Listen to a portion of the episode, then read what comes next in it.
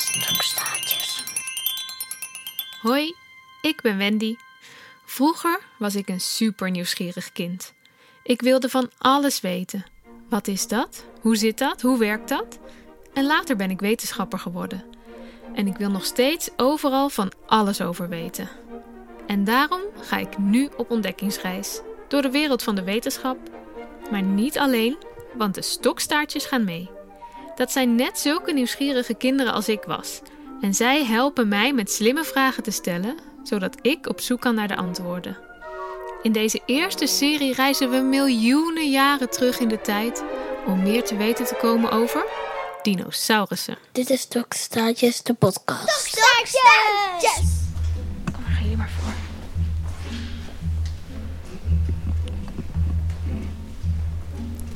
Hey, stokstaartjes.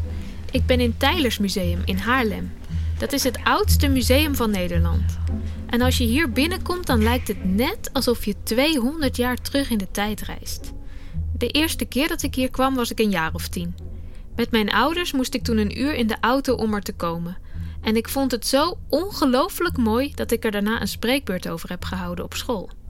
En nu, jaren en jaren later, woon ik er zelf vlakbij. Dus ik kan er naartoe wanneer ik wil. Als het open is dan. Want nu is het dicht door corona. En toch ben ik hier nu. Ik heb drie kinderen bij me en samen sluipen we door het lege, stille en donkere museum. Dit is de oudste zaal. Vind je het mooi? Ja, heel mooi. We zijn net door twee zalen met schilderijen gelopen en we komen nu aan in de oudste zaal van het museum. De ovale zaal heet die. Allemaal eh, licht hout. En een eh, witte plafond met een, met een zon boven. Met een bloem erin. Met goud. Eh, je ziet een oude verrekijker. eh ik heb een oude telescoop. En je ziet een magneet van vroeger. En nog een telescoop en nog een magneet. En nog zoveel meer. Maar we moeten door, want in deze zaal is van alles te zien, maar geen dino. Dat is een echt fossiel. Dit wou ik dus aan jullie laten zien. Want jullie hadden een vraag. Ik. Of jij had een We vraag. zijn nu in de eerste fossiele zaal. En die mevrouw die je hoort, dat is Fieke Kroon van Tylers Museum. En waarom zijn we hier eigenlijk? Nou, dat heeft te maken met een vraag van... Sia. En hoe oud ben je, Sia? Acht. En wat wil je weten? Hoe weten ze hoe, de huid van de dino eruit ziet? De kleur van de dino uit? Hé, hey, dat is een goede vraag. Want als een dino wordt opgegraven, dan vind je alleen maar de botten terug en geen huid. Hoe kun je dan weten hoe die huid eruit zag? In het museum ga ik met Sia, zijn broer Zuma en met Pelle uit aflevering 1 op zoek naar aanwijzingen. Nou, het is een hele goede, een hele moeilijke vraag eigenlijk. Want ehm, ja, hoe weten jullie een beetje hoe fossielen ontstaan? Nou, dat als ze doodgaan, eh liggen ze bijvoorbeeld op de grond, eh, ga- gaat hun huid weg, wordt het opgegeten door kleine beestjes. En dan legt het op de grond, wordt het bedekt door aarde, want, want er komt allemaal aarde op. Ehm, want dan blijft het zo heel erg lang. En dan bijvoorbeeld, eh, dan vinden mensen het en dan pa- pakken ze het op en dan is, zie je het als een fossiel. Zo gaat dat inderdaad. De nieuwe lagen aarde drukken op de botten net zo lang totdat het versteend is. En dan is het een fossiel geworden. En dat duurt gigantisch lang, miljoenen jaren wel. En dat is zo lang dat er van alles kan gebeuren met een skelet. Het kan door de war raken of voor een deel wegspoelen. Je vindt bijna nooit een, een hele een, eh, fossielen. Dat klopt, ja.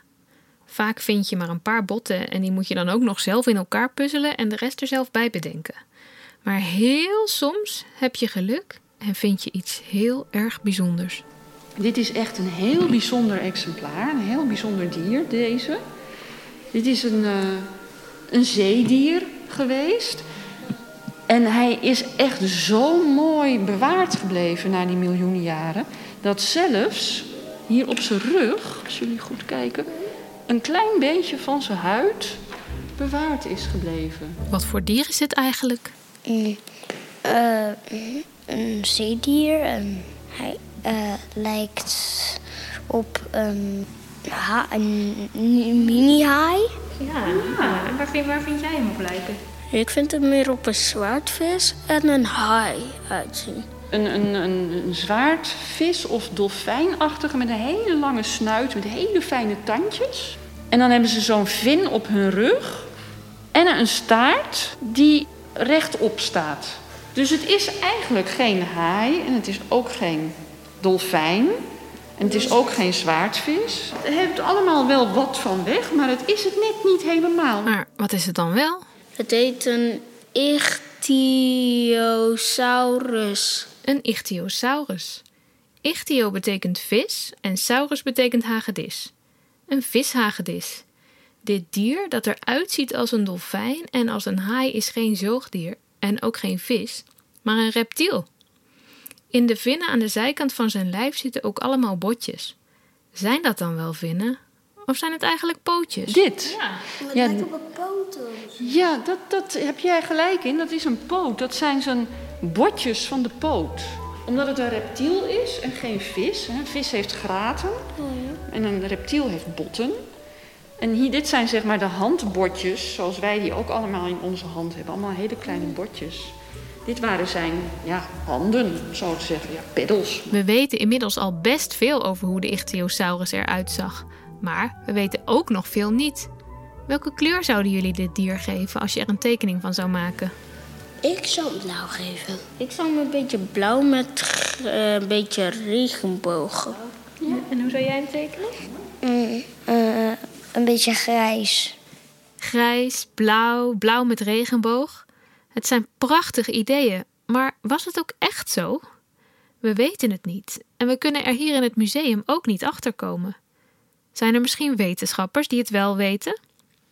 Professor Anne Schulp, de paleontoloog van Naturalis misschien? Zou hij het antwoord weten? We bellen hem weer op. Professor Schulp, hoe kun je weten hoe de huid van een dinosaurus eruit zag? Nou, van een dinosaurus vind je normaal eigenlijk alleen maar de harde stukjes. De dingen die goed bewaard blijven in de grond, zoals de tanden en de botten. Nou, in heel, heel, heel bijzondere gevallen, en dat gebeurt echt, is echt heel zeldzaam. Het is echt heel bijzonder als je dat terugvindt. Ehm, kom je ook wel eens afdrukken tegen van, van de huid. Ik heb er hier toevallig een, eh, een, een, eh, een afgietseltje van. Dit is de huid van Tyrannosaurus rex. En we weten dus dat de huid van T-rex, dat die in ieder geval op de plek van de heup uit allemaal kleine, kleine bobbeltjes had. Super kleine bobbeltjes. Als je hem zou, eh, als je hem zou aaien, zou het een beetje kietelen. Wat voor kleur die had, dat weten we bij Tyrannosaurus niet. Maar bij een paar andere dino's hebben we wel restjes gevonden van de kleurstof, eh, van de kleurstof die in, eh, in de huid zat. Dan kun je gaan kijken van wat voor stofjes zijn dat nou precies en waar lijken ze op van de kleurstoffen zoals we die nu kennen bij dieren. We weten bijvoorbeeld van een, een dinosaurus dat hij een, een beetje een donker gekleurde rug had en een wat lichter gekleurde buik. En we weten van een andere dinosaurus dat er streepjes zaten op, eh, op, de, de staartveren. Dus zelfs de kleur van dinosaurussen kunnen we heel soms iets meer over vertellen. Wauw, wat cool! Weet je nog, de ichthyosaurus die we in het museum bekeken? Onderzoekers in Zweden hebben de stofjes in de ichthyosaurushuid bestudeerd. En ze zijn erachter gekomen dat in ieder geval sommige ichthyosaurussen heel donker van kleur waren. Donkerbruin of bijna zwart. En over kleur gesproken, Zuma wil ook nog iets weten. Hoe weten ze welke kleuren ogen dino's hadden? Welke kleur ogen ze hadden? Ja, Hoe zou jij daar zelf proberen achter te komen, Zuma? een beetje met DNA, denk ik. DNA? Ja. Wat is dat? Eh, DNA is, eh, nou bijvoorbeeld je spuug. Daar zit bijvoorbeeld ook DNA in. En dan kunnen ze weten wie je voorouders en zo zijn. Dat klopt. DNA is eigenlijk het kookboek van je lichaam. Je lichaam bestaat uit heel veel cellen en binnenin iedere cel zit DNA. Het is een soort opgerold lint met een code erop. En die code vertelt alles wat je lichaam moet doen, als een soort recept. Bijvoorbeeld welke kleur ogen je hebt en hoe je organen en je spieren moeten werken. Alle planten en dieren hebben DNA. Dus dinosaurussen hadden het ook.